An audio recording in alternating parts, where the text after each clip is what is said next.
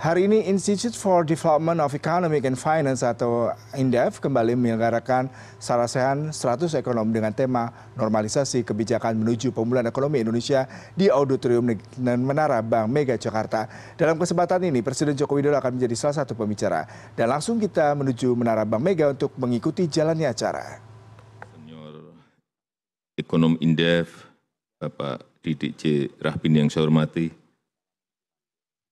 Bapak Ibu, para ekonom, para undangan yang eh, saya hormati.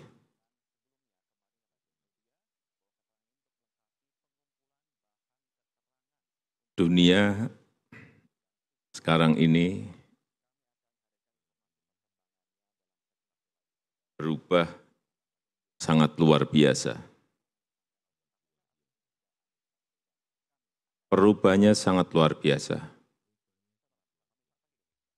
Pertama memang diawali oleh pandemi, kita tahu semuanya. Dan kita beruntung saat itu awal-awal pandemi, Indonesia tidak lockdown. Saya nggak bisa memperkirakan kalau kita saat itu melakukan lockdown. Berakibat pada ekonomi seperti apa, berakibat pada sosial politik yang seperti apa. Karena memang awal-awal hampir mungkin 70 negara semuanya melakukan lockdown. Di kabinet sendiri 80 persen mintanya lockdown. Survei juga rakyat minta lebih dari 80 persen lockdown. Tapi saat itu saya semedi. Saya endapkan betul. Maka benar kita melakukan, harus melakukan itu. Dan jawabannya saat itu saya jawab, tidak usah lockdown.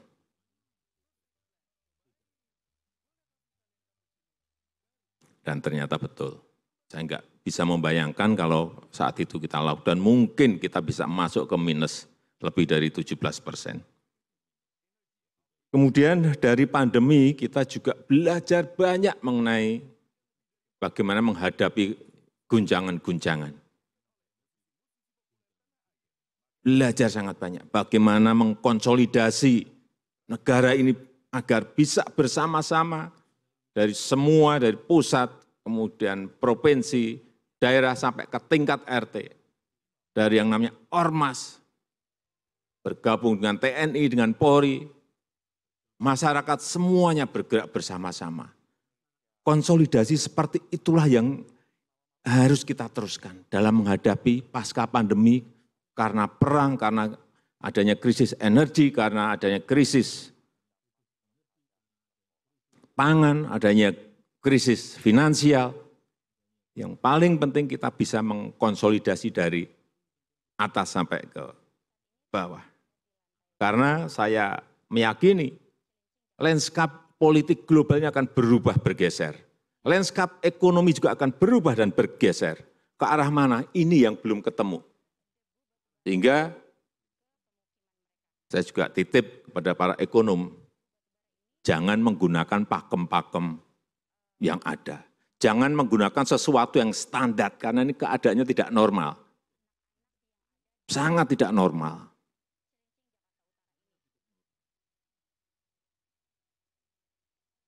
Dibutuhkan pemikiran yang abu nawas, yang kancil-kancil gitu.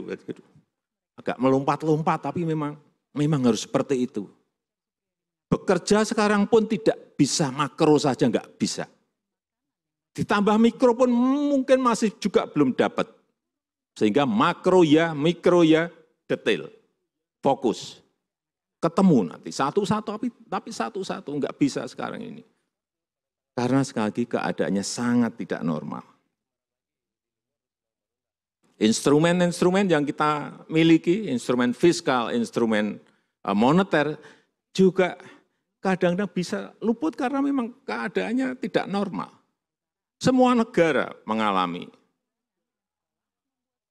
betul-betul kita diuji karena geopolitik globalnya memang juga enggak jelas, sangat tidak jelas. Saya bertemu di G7 dengan pemimpin-pemimpin yang hadir saat itu.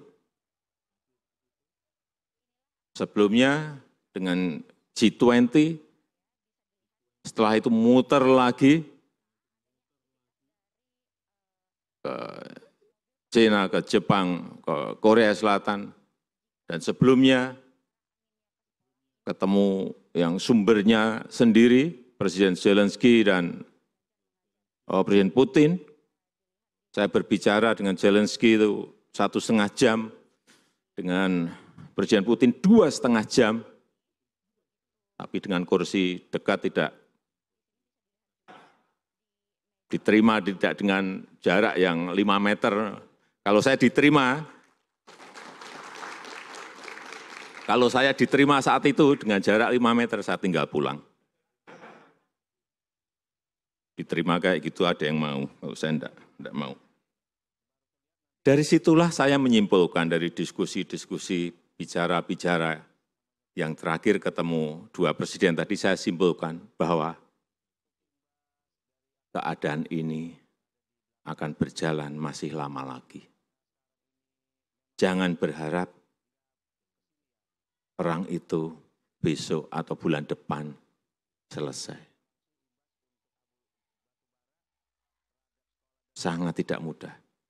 Kita mendorong agar terjadi saja dialog saja.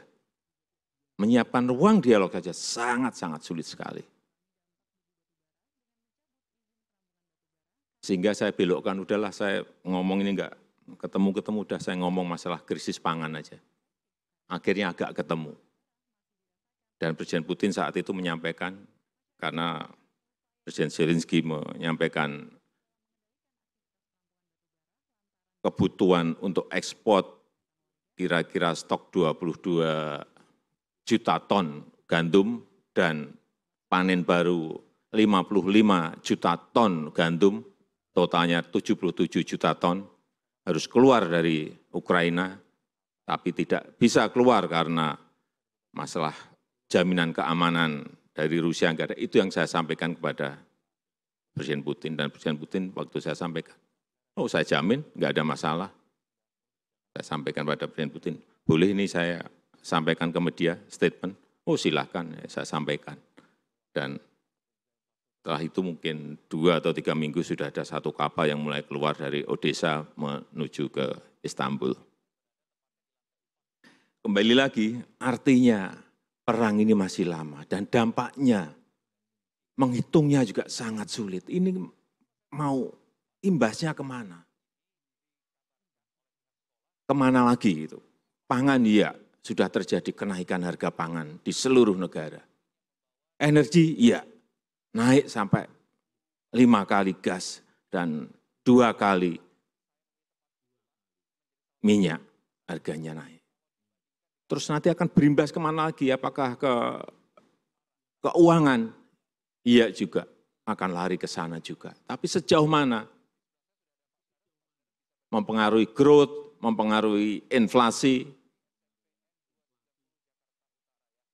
Negara mana yang kena? Nah ini yang kita harus hati-hati betul. Harus hati-hati betul. Tidak bisa lagi sekali lagi kita berbicara hanya makronya saja. Mikronya juga. Dan lebih penting lagi detail satu persatu harus dikupas. Oleh sebab itu memang saya mengajak kita semuanya merubah mindset kita bahwa ekonomi dunia, geopolitik dunia berubah. Sudah berubah.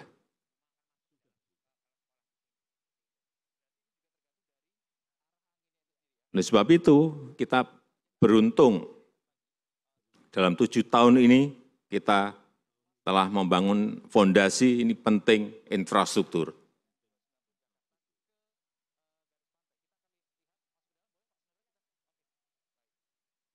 Jalan tol ini telah terbangun sampai saat ini 2000 40 kilometer. Bandara ada 16 baru, bandara pelabuhan 18 baru sipot kita. Bendungan sampai hari ini 29, tapi sampai akhir tahun nanti tambah lagi 9, berarti 38. Irigasi 1,1 juta hektar yang baru yang bisa teririgasi sehingga kemarin kita mendapatkan dari internasional Rice Research Institute yang menyatakan bahwa ketahanan pangan, sistem ketahanan pangan kita baik dan swasembada beras sejak 2019. Tetapi bukan yang gede-gede itu saja. Saya selalu sampaikan, jangan dipikir kita yang urus yang gede-gede, tol, bendungan, yang pelabuhan, airport. Enggak. Karena dana desa kita sampai saat ini sudah 468 triliun kita gelontorkan ke sana. Kalau Bapak Ibu bertanya, jadi apa itu 468? Yang saya ingat 227 kilometer jalan desa itu jadi. Panjang banget loh 227 ribu kilometer apa benar? Jangan salah, itu masih pendek menurut saya. Karena desa kita itu 74.800 kalau dibagi 227 dibagi itu, satu desanya 3 kilometer. Itu masih kurang, masih sangat kurang satu desanya 3 kilometer. Sehingga apa? Jalan-jalan produksi di desa itu menjadi ada. Jembatan juga menyambungkan antara satu dusun dengan dusun yang lain 1,3 juta meter yang telah dibangun dari 468 triliun tadi embung, ada 4.500 embung. Hal-hal yang tidak pernah kita lihat, tetapi itu sudah terjadi dan sudah realisasi. Inilah dana desa yang sudah digelontorkan. Kemudian yang kedua, hilirisasi. Hilirisasi secara nyata itu sudah kejadian. CPO dan ke, dan turunannya, nikel dan turunannya, boksit sudah. Jadi kalau kemarin kita empat tahun yang lalu kita stop nikel, eh, tiga tahun yang lalu kita stop nikel, dan kita bangun industrinya di dalam negeri, ya itu kelihatan mulai tampak hasilnya. Nanti tahun ini mungkin stop lima, tahun depan stop boksit, tahun depannya lagi stop puber, tembaga.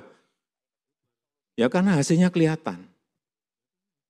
Ini sering saya ulang, contoh nikel. Tujuh tahun yang lalu, enam tahun yang lalu, ekspor kita kira-kira dari nikel itu hanya 1,1 billion US dollar. 2021, 20, 9 miliar US dollar. Lompatannya, nilai tambah lompatannya 19 kali. Nah ini kalau mulai kita tarik lagi, stop tembaga. Dulu sulit menyuruh Freeport buat smelter, mundur-mundur aja. Pak ini diperpanjang nanti baru kita buat semeter. Enggak, enggak, enggak. Kamu buat semeter, kita perpanjang. Enggak bisa juga, enggak sambung-sambung. Sudah kita ambil saja, kita akuisisi aja 51 persen. Setelah dapat 51 persen, mayoritas buat semeter. Baru dibikin di Gresik. Nanti Bapak Ibu akan lihat setelah Gresik beroperasi, operasional 2024, kelihatan berapa nilai tambah dari Cooper yang sudah lebih dari 50 tahun kita ekspor mentahan raw material. Begitu juga nanti untuk bauxite stop, kira-kira mungkin akan muncul angka-angka di atas 30 miliar US dollar. Entah dari nikel, entah dari copper, entah dari boksit. Saya pastikan itu. Sehingga sekarang ini kelihatan yang dulu neraca perdagangan kita, misalnya dengan China, selalu minus. Saya ingat di 2014 itu minus sampai 13 billion US dollar.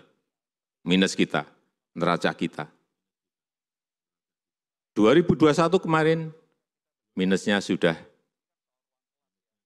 menjadi minus 2,4 billion US dollar. Tahun ini saya pastikan kita sudah surplus dengan RRT. Saya pastikan itu. Karena tadi raw material yang tidak diekspor mentahan. Dengan Amerika juga sama. Dulu surplus kita di 2012 3,3, sekarang 14,4 billion US dollar. Tapi ini jangan sering disampaikan. Saya kadang-kadang, ya, tapi ini terlanjur, udah. Karena bisa bisa nanti kita dicabut fasilitas kita, GSP kita. Jadi sebetulnya nggak usah di nggak usah didiskusikan masalah ini. Dengan India kita juga surplus 5,6 billion US dollar. Sudah 27 bulan, betul Bu Menteri ya, kita selalu neraca kita surplus terus, yang sebelumnya selalu negatif. Hal seperti ini yang sering tidak kita lihat secara detik, ini sebabnya apa sih kita sekarang kok surplus perdagangan kita. Kemudian yang ketiga, digitalisasi. Ini penting utamanya yang berkaitan dengan ekonomi itu UMKM. 61 persen UMKM kita ini berkontribusi pada PDB nasional. Sehingga dengan adanya keruwetan dunia ini, mereka harus kita dorong terus untuk bisa masuk ke ekosistem digital, bisa masuk ke e-commerce, bisa masuk ke platform-platform digital dalam tiga tahun ini sudah kita dorong 19 juta bisa masuk dari 64 juta UMKM kita. Target kita nanti di 2024 30 juta harus sudah masuk ke ekosistem digital yang ada.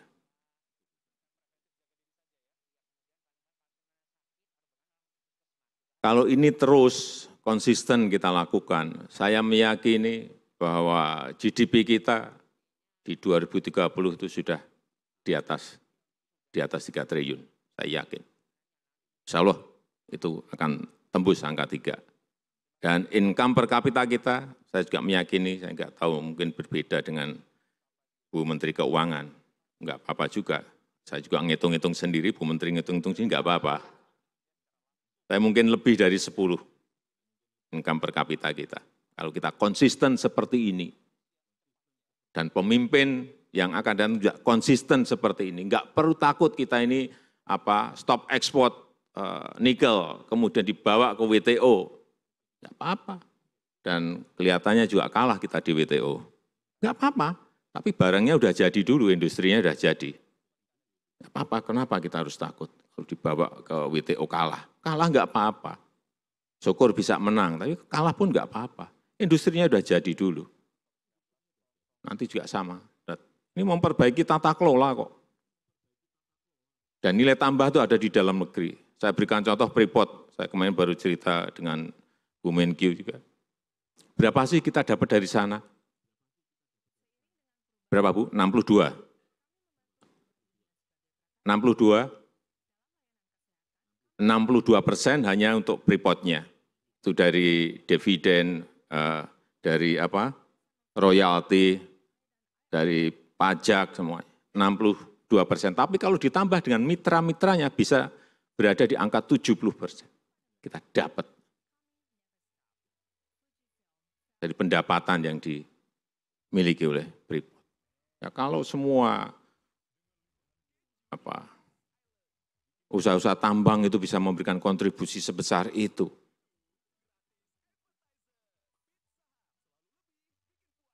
Ya, PBN kita akan semakin sehat. Saya rasa itu yang bisa saya sampaikan pada kesempatan yang baik ini. Memang momok semua negara sekarang ini urusannya pertumbuhan ekonomi, growth-nya berapa, dan inflasinya berapa. Kita juga kemarin berhitung dengan detail berapa sih kira-kira karena penyesuaian uh, subsidi BBM ini yang sudah kita umumkan minggu yang lalu akan berimbas pada inflasi. Hitungan dari menteri-menteri kemarin kira-kira akan naik di 1,8 persen. Tapi kalau kita diem, saya nggak mau diem. Kita harus intervensi. Intervensinya lewat apa? Saya sampaikan, daerah harus bergerak kayak COVID kemarin. Dengan cara apa ya? 2 persen DAU bisa digunakan untuk mengatasi inflasi dan bansos. Belanja tidak terduga bisa digunakan untuk mengatasi inflasi. Dengan cara apa? Ya tutup biaya transportasi, tutup biaya distribusi dari yang ada di lapangan. Contoh, dan ini pernah saya lakukan, contoh harga bawang merah naik.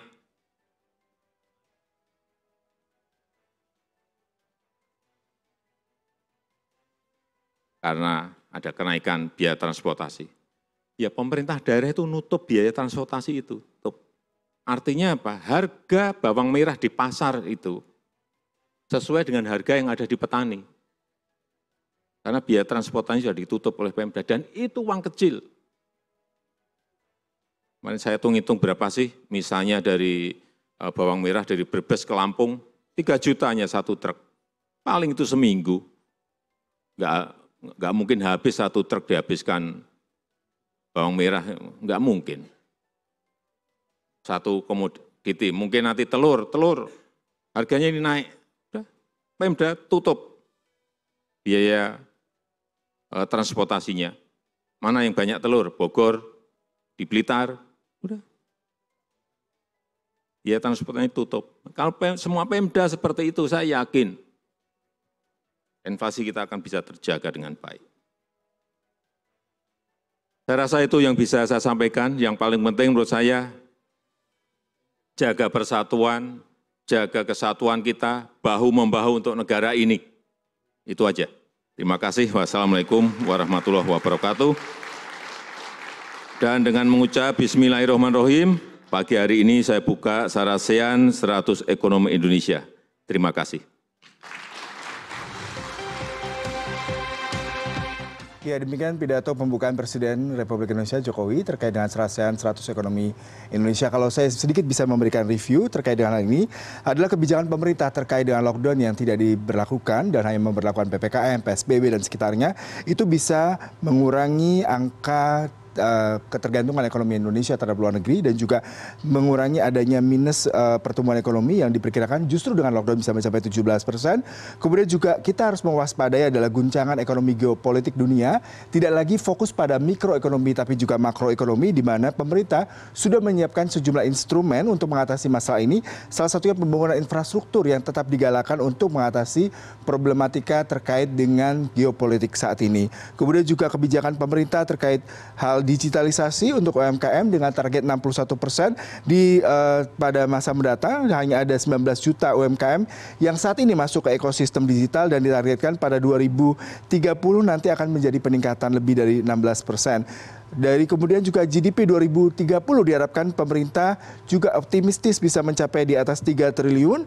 Kemudian juga adanya kebijakan lain terkait dengan ekspor impor terutama untuk uh, para perusahaan-perusahaan mineral energi di Indonesia targetnya untuk meningkatkan tidak hanya dividen royalti tapi juga pajak serta mengharapkan perusahaan-perusahaan internasional yang ada di Indonesia misalkan Freeport bisa memberikan kontribusi terhadap pertumbuhan ekonomi dalam negeri sehingga target inflasi bisa dihadapi meskipun saat ini kondisi ekonomi global sedang dihadapkan dengan kenaikan harga sejumlah kebutuhan energi sehingga diharapkan nanti pada ke depannya inflasi bisa ditahan tidak lebih dari 5 persen.